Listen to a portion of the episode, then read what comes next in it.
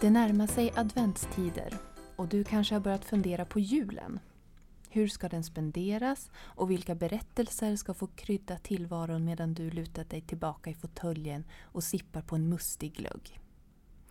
Idag så kommer vi att hjälpa dig i dina funderingar på vad du ska läsa. Eller om du så vill, vilka berättelser du skulle kunna tänka dig att ge till någon i julklapp. I slutet av det här avsnittet så har vi även en liten tävling där du har chansen att vinna boken Fyren mellan haven av M.L. Stedman. Men mer om det sen. Jag, som heter Linnea, sitter här tillsammans med Gabriella, Ann-Sofie, Ingeborg.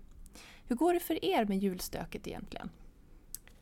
Ja, eh, jag ligger ganska bra till. Jag har redan stökat undan det första pepparkaksbaket. Jag känner mig väldigt nöjd. Och köpt den första julklappen. Oj. Ja, så jag känner att jag ligger i fas. Hur är det med er? Jag har köpt väldigt många julklappar, det har jag. Så att jag, eh, jag har en hög uppe på min garderob inne i, i, i sovrummet till mina barn. Eh, och känner att jag någon dag måste sätta mig och gå igenom den där högen och se vad jag egentligen har köpt. För jag har hållit på nu under några månader.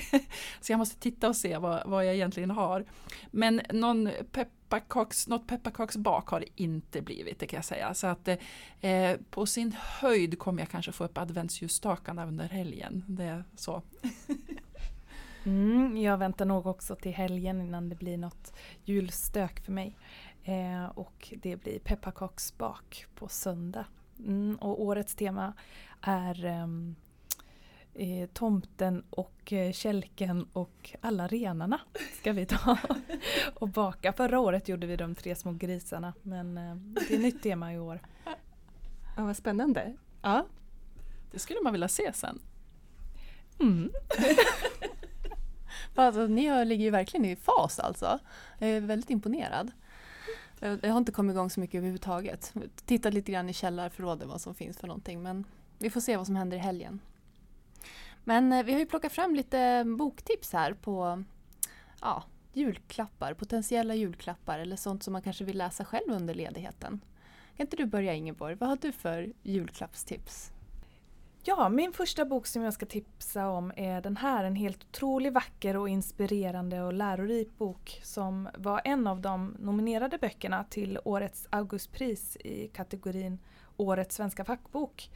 Den heter Arktis, Liv i en värld av is och snö och är författad av två mycket framstående och erfarna naturfotografer som heter Felix Heitzenberg och Ole Jörgen Leodden.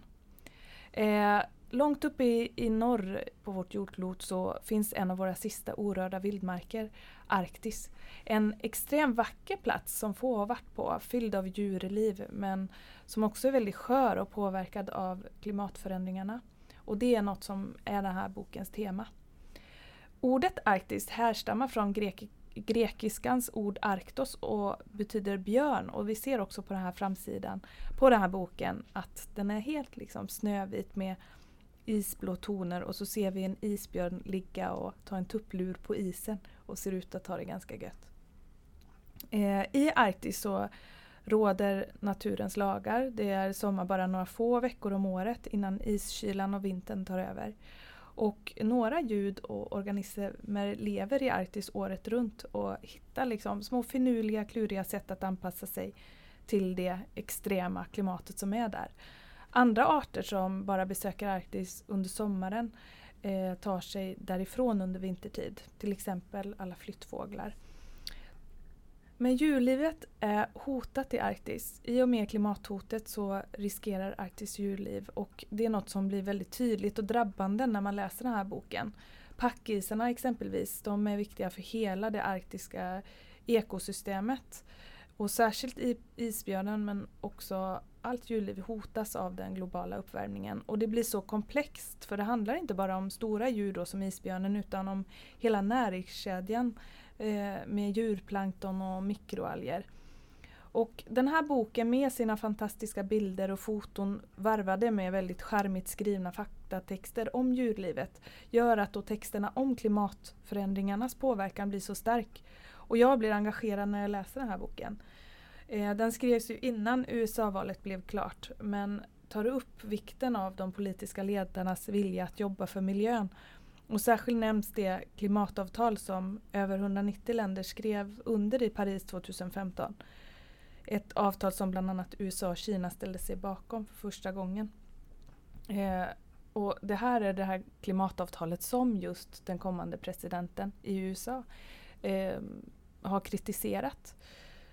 Eh, det gör att man blir väldigt orolig och jag blir som sagt väldigt engagerad i miljön känns det som. Den här avlägsna platsen och världen av is och snö påverkar oss även fast det ligger så långt bort. Men påverkar oss i allra högsta grad och det är upp till oss att ta hand om den. Jag kan tänka mig att den eh, passar för två kategorier av släktingar. Antingen eh, eh den i släkten som precis har köpt en konken och gillar att vara ute i skog och mark. Men också den som lägger plast i komposten. Den skulle också behöva den här julklappen. Mm. Ja, du då Ann-Sofie, vad har du Ja, tagit fram? min första, mitt första tips är eh, en bok som heter Fredriks fika. Det är eh, en bok som är skriven av Fredrik Nylén. Och eh, en del av er kanske minns att han var med i tv-programmet Hela Sverige bakar 2013. Mm. Jag brukar titta på det här programmet och jag och mina barn tycker att det är jättespännande att se när de, när de bakar. Så vi kommer mycket väl ihåg Fredrik. Eh, och eh, efter det här programmet då så har han också börjat driva en bakblogg som heter Fredriks fika. Och det är faktiskt en av Sveriges största bakbloggar idag. Och han är väldigt aktiv på Facebook och Instagram där han har väldigt många följare.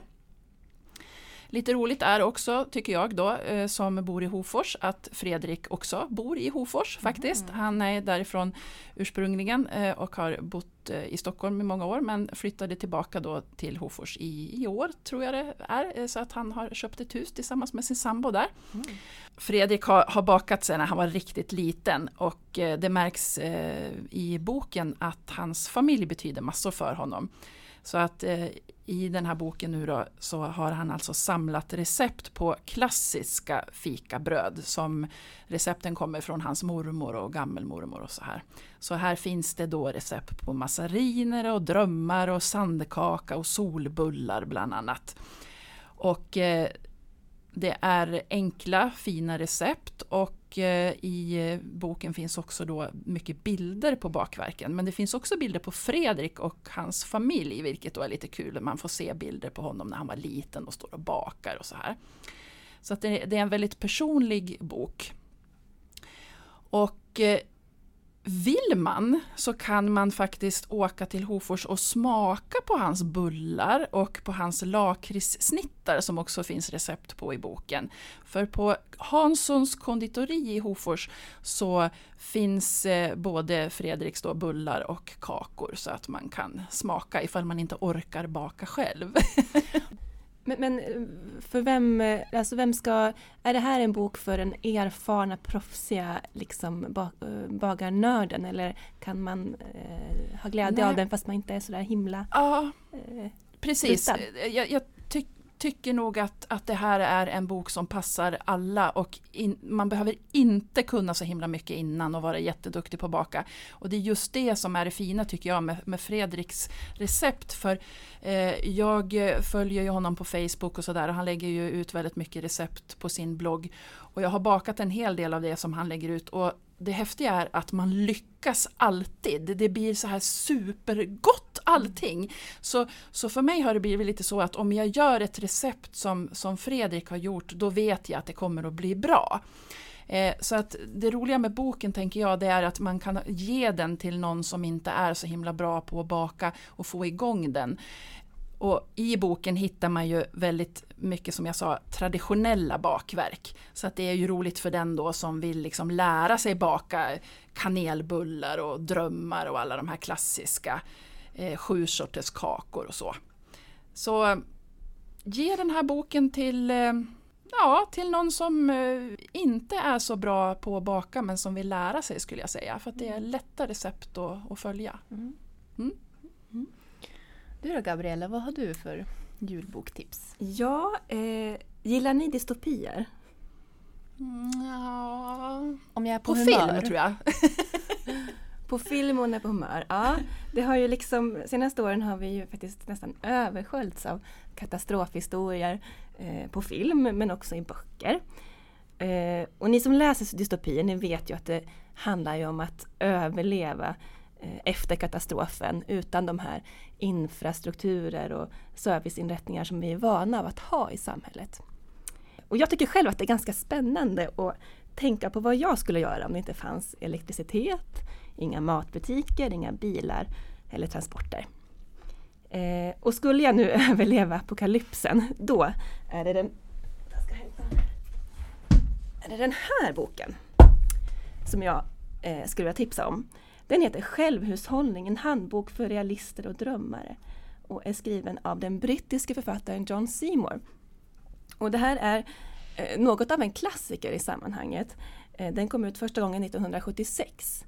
Den här svenska upplagan den är lite upphottad, den kom 2014. Och man har också kom kompletterat med rekommendationer från Jordbruksverket så den känns lite mer up to date. Eh, en stor del av boken handlar om grödor och odling men man kan också läsa om djurhållning, om slakt, konserveringsmetoder, hur man dränerar, eh, bygger husgrund, hur man tar hand om avfall, eh, hur man flätar sina, sin egen korg och framställer vin. Det finns bland annat ett väldigt spännande recept på palsternacksvin i den här boken. Eh, det ja, låter inte så gott. Ja, det låter inte gott. jag tycker det låter ganska spännande. Ah, ja.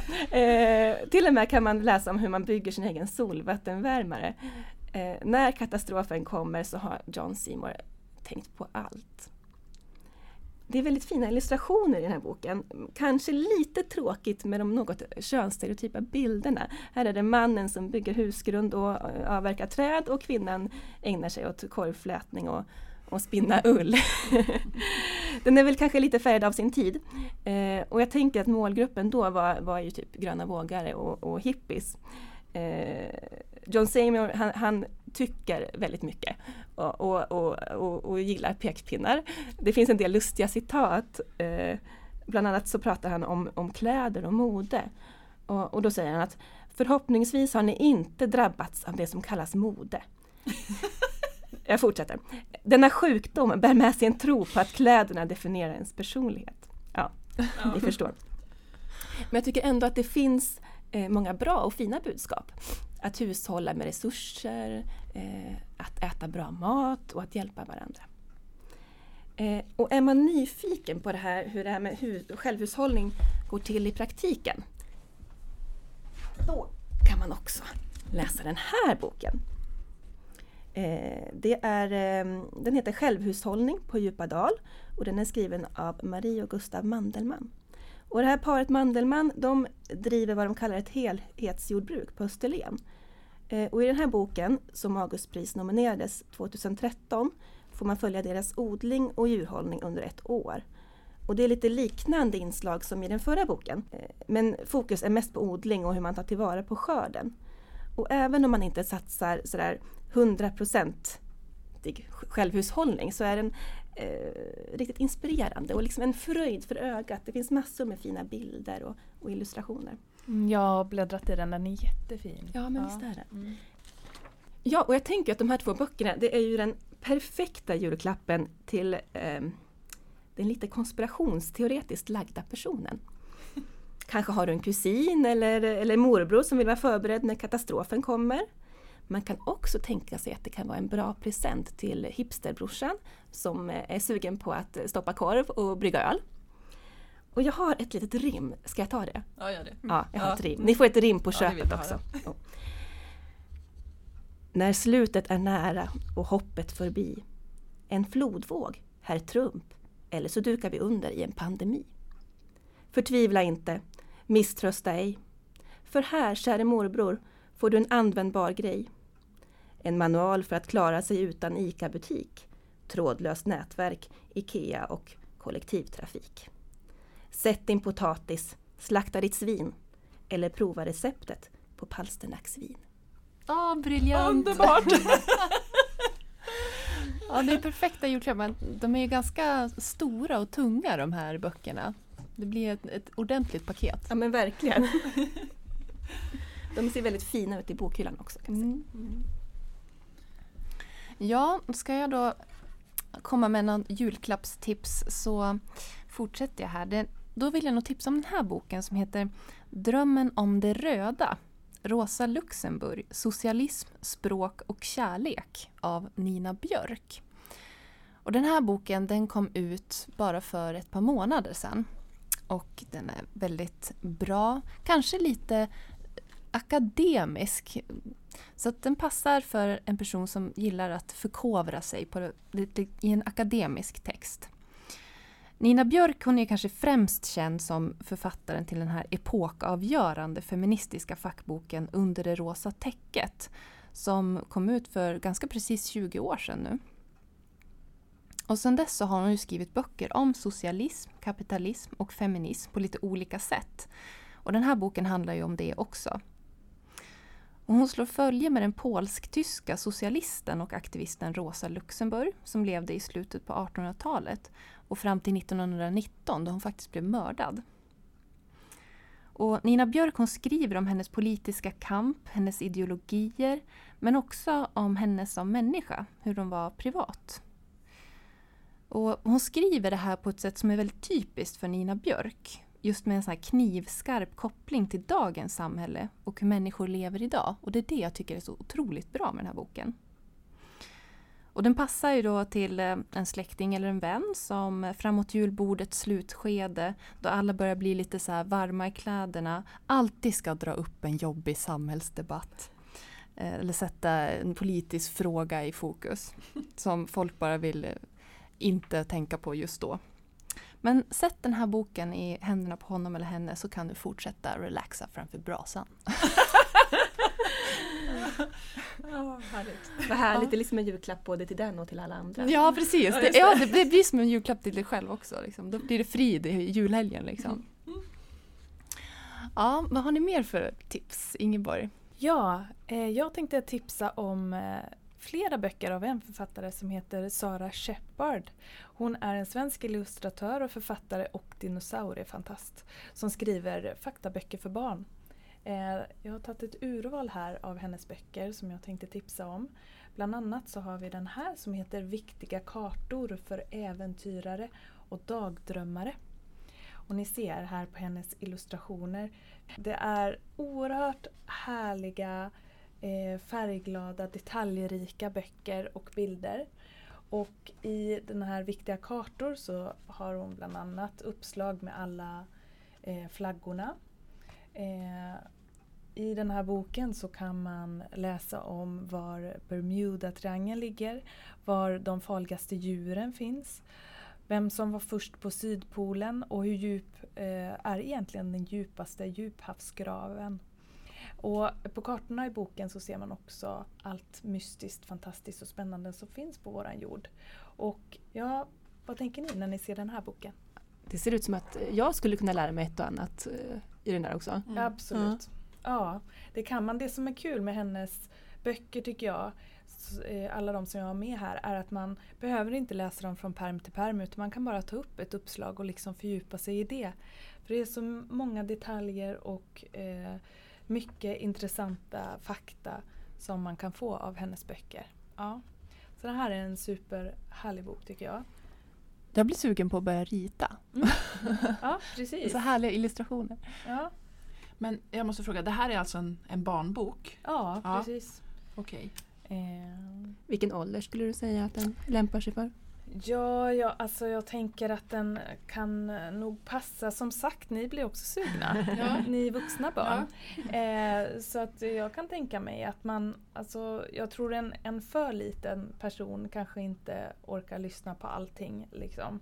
Men det är ju som sagt bra med de här böckerna att man behöver inte läsa allting. Man behöver inte läsa all eh, fakta som står utan man kan titta på bilderna, de här detaljerna som finns i varje uppslag och kanske läsa någon ruta mm. som finns för varje. Men just den här viktiga Eh, kartor kanske från liksom fem år kanske Mm. uppåt tänker jag. Men det är ju himla bra också för då kan man ju ha boken kvar. Eh, för då kan man ju upptäcka vissa saker när man är fem år och sen upptäcker man andra saker när man är 35 år. Ja men Eh, precis. Nej, men alltså, jo, men visst. så, för för Ja. att den, den innehåller många olika saker. Mm, precis. Det är som det brukar stå på så här, eh, sällskapsspel, från 5 till 99 år. ja men verkligen så. Eh, så är det med den också. En annan eh, bok som hon har skrivit he, heter Det var en gång massor av dinosaurier. Och jag sa ju att hon var dinosauriefantast och det är hon. Och hon har skrivit flera böcker för eh, olika åldrar om just dinosaurier. Det finns även dinosaurieböcker för de yngre barnen. Den här passar väl lite grann i samma målgrupp som den andra, kanske från 4-5 år kan jag tänka mig. Eh, och här är det så pedagogiskt klurigt tycker jag att hon har det här med dinosaurier och dinosauriers, dinosauriernas namn blir man ju... Hur många kan ni, kan ni rabbla? Typ två. Oj, två? Ja, men. Vilka då? Dinosaurus, nej men Tyrannosaurus rex och eh, nej jag vet inte, jag kanske inte kan mer. Jag har ju en femårig eh, dinosaurieälskare hemma, så jag kan nog eh, ja, Triceratops, Åh, Oj. Diplodocus. ja, just det. Eh, Och ingen mer. jo då, det är den där med långa halsen och som är stor. Ja det var den jag trodde att jag kunde men jag Eh, insåg att jag kunde det, inte det den. kanske är en Diplodocus. Velociraptor kommer jag på. Ja, Ja, ja, nu är det från Jurassic Park. Just det. Ja precis, det du nämnde eh, här Gabriella det var ju en från långhalsgänget. För hon har ju delat upp de här dinosaurierna i olika gäng. Eh, bland annat långhalsgänget. Eh, ska vi se här vart uppslaget Jag gillar att hon använder det, det ordet gäng. Det blir så mänskligt liksom. Så här. Jo men det är ju eh, så charmigt skrivet. Liksom. Så här är det bladgänget, det är pansargänget, tjockskallegänget, köttgänget, eh, långhalsgänget, horngänget och tuppkampsgänget. Mm. Ja, och sen så då skriver hon intressanta fakta just om de här dinosaurierna. Eh, det som mm, hon också gör i sina böcker är att hon gör små eh, bubblor till sina figurer i böckerna och så att de liksom har ett väldigt interaktivt tilltal med den som läser, vilket är väldigt kul. Små seriestrippar också, ofta. Ja, så här får man lära sig en hel del om just dinosaurier.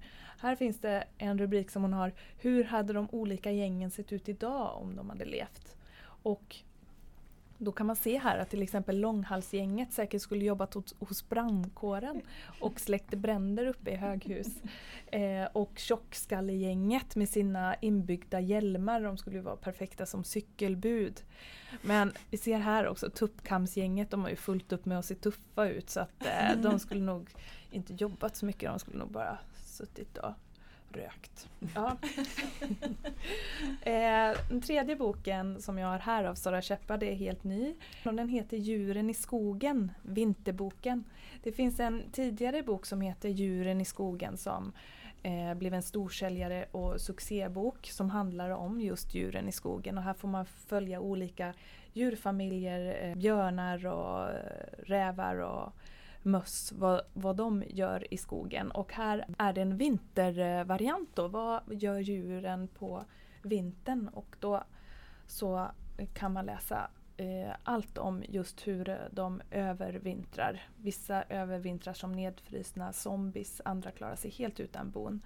Och i denna vintervärld så kan man då i den här svenska kontexten eh, läsa om våra djur ute i våra vår djur, eller ute i vår natur. Om hur de lever sin vinter.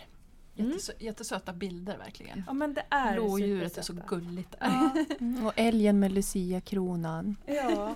Och det är väldigt lustfylld eh, läsning. Hon blandar väldigt mycket fakta och eh, humor. Och eh, ja, jag skulle säga att det är perfekta julklappen till antingen till släktens lilla professor eller till eh, den Ja, till vilket barn som helst i släkten. Ge dem de här böckerna. Ja, härligt. Du då Ann-Sofie? Har du något mer på lager? Ja, det har jag.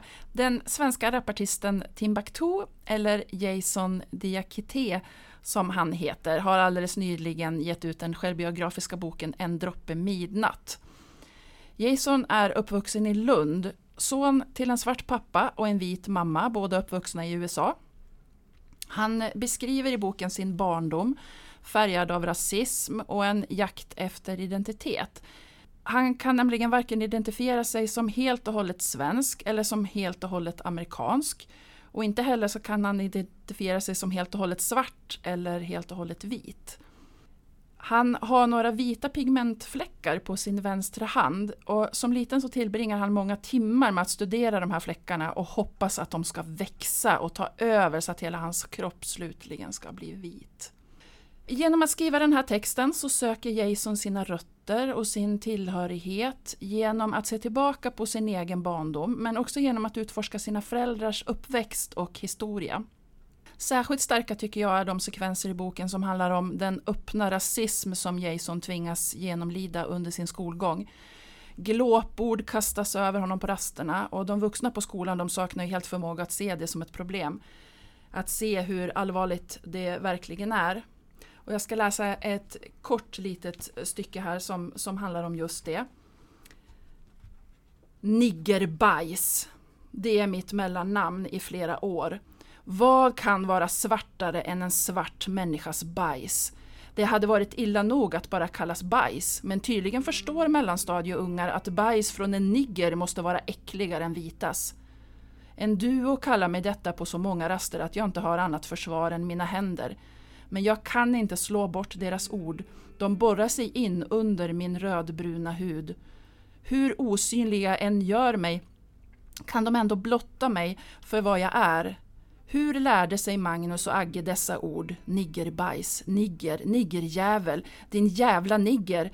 Varje gång jag hör orden är det som om de avtäcker mitt inre som just består av det äckligaste, niggerbajs.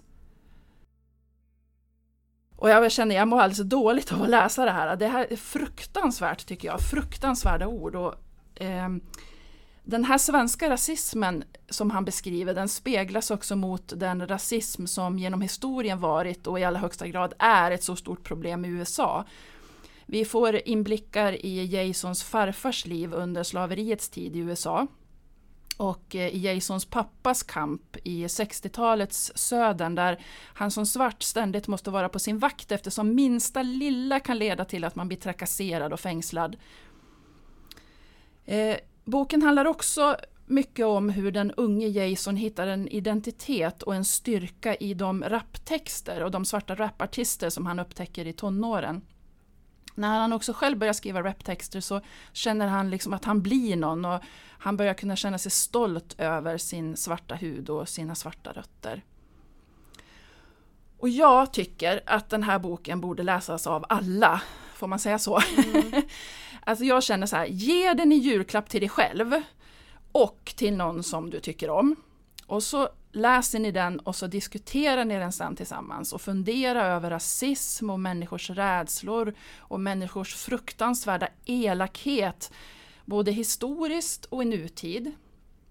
Och vad är det som gör till exempel att en öppet rasistisk man som Donald Trump vinner presidentvalet i USA? Och vad, vad kan vi alla göra för att sprida kunskap och kärlek så att världen blir en tryggare plats för våra barn och våra barnbarn att växa upp i? Oberoende av vilken färg på huden de har fötts med. Mm. Jag tycker det här är en jätteviktig bok och jag får en klump i hjärtat mm. och i magen av det här. Eh, och samtidigt är det så, så fint och så viktigt. Ja, det var verkligen gripande. Det, ja, jag blev väldigt intresserad av att läsa boken och prata om den. Kom den ut i år? Eller är den... Ja, den, den har alldeles nyligen kommit ut tror jag. Han var också med i i, i tv-programmet Skavlan här för någon vecka sedan också och, och berättade mm. om det här. Så att jag tror att den, den är alldeles nyutkommen. Mm. Jag kan säga att jag har börjat lyssna på den och det är ju Timbuktu själv som, eller Jason Diakité då, som själv eh, läser in sin bok. Och han har ju en väldig musikalitet och eh, känsla för språket och för eh, alltså han, han läser in den så otroligt bra också. Mm. Så det är ett tips att ja, eh, lyssna på den. Ja, jag följer upp med sista boktipset då för idag. Och eh, det är en, eh, en bok som påminner lite grann om den som du Ann-Sofie pratade om i början, Fredriks fika, Fredrik Nylén. Eh, det här är Tio lektioner i matlagning av Lotta Lundberg. Och eh, ingen har väl missat att Historieätarna är igång igen på SVT där Lotta Lundberg och Erik Haag gestaltar dåtida sätt att leva med, med fokus på matvanorna. Och julen handlar ju väldigt mycket om mat så därför så tänkte jag att det här boktipset skulle passa väldigt bra. Eh, tio lektioner i matlagning, det kan ju låta som en eh, receptsamling kanske, men det är det verkligen inte. Det är en bok som är fullspäckad med text. Och hur kan det låta inspirerande? Ja, alltså den är så otroligt inspirerande och eh, väldigt avväpnande i sättet hon beskriver matlagning och eh, allt runt omkring det också. Den är väldigt humoristiskt skriven, precis på det sätt som Lotta Lundberg är i TV. Och eh, ja, det, det, är inte bara maten när den lagas utan allt runt omkring. Det är planeringen av inköp, själva inköpet, matlagningsstunden, vem gör den, ätandet, eh, hur ser äts matsituationen ut och när man har barn, otacksamma matgäster och så vidare. Eh, det är så otroligt bra och roligt skrivet. Just barn kan ju vara väldigt otacksamma Ja, hon, vet, hon sa det själv också i en intervju att eh, varför ska man lyssna på barns kritik när de gärna äter snorkråkor? Liksom. det tyckte jag var en bra poäng. Liksom. Det, ja. Ja, den här passar ju perfekt för den som inte är så förtjust i matlagning, tänker jag, men som är intresserad av etnologi och gillar att läsa och gapflabba varvat med varann. Den är superbra. Ja, eh, då kommer vi till podcastens sista moment här då vi har utlottningen av boken Fyren mellan haven av M.L. Stedman. Efter fyra uppslitande år på västfronten tar Tom Sherborne anställning som fyrvaktare på Janus Rock. En ensligt belägen ö utanför Australiens kust med sin unga hustru Isabelle som enda sällskap. En natt spolas en båt upp på stranden. I båten finner fyrvaktaren en död man men också ett spädbarn som är vid liv. Tom vill först underrätta myndigheterna men Isabelle, som genomlidit tre missfall, ser barnet som svaret på alla hennes böner. Mot bättre vetande beslutade sig för att behålla den lilla flickan. Det är först två år senare, när de återvänder till fastlandet, som paret inser att en händelse som gett deras tillvaro en mening samtidigt slagit en annan människas liv i spillror. Nu har vi gett oss i kast med att rimma på den här boken. Och det du gör nu är att du noterar vilket som är ditt favoritrim och skriver till oss på Facebook eller till mejladressen kulturcentrumet.sandviken.se med vilket rim som du tyckte var din favorit och så blir boken din. Rim nummer ett. Här kommer ett spänningsdrama byggt på kval om ett kärlekspar som gör ett ödesval. När firens ljus för dem mer borta än hemma ställs allt på spel i ett svårt dilemma. I denna klapp flyter rätt och fel samman. Frågan ställs, vem är den riktiga mamman? Lampan släcks inte förrän sent in på natten. Gjorde de rätt? Det vete katten. Rim nummer två. Ett barn kom till dem som Moses i sin korg.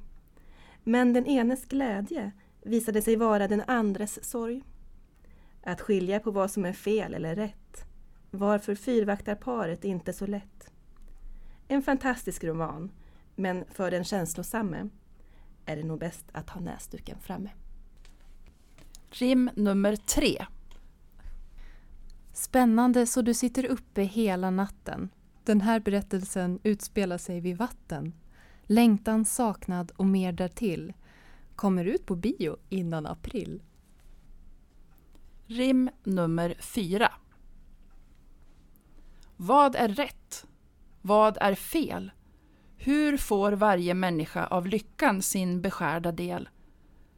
Ett hastigt beslut taget med vägledning av ett längtande hjärta kan ödesdigert leda till en annan människas olidliga smärta.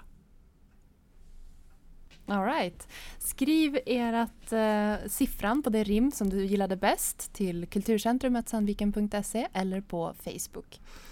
Och så hörs vi igen till våren med nya avsnitt av Podyssén. Ja, och god jul! God jul!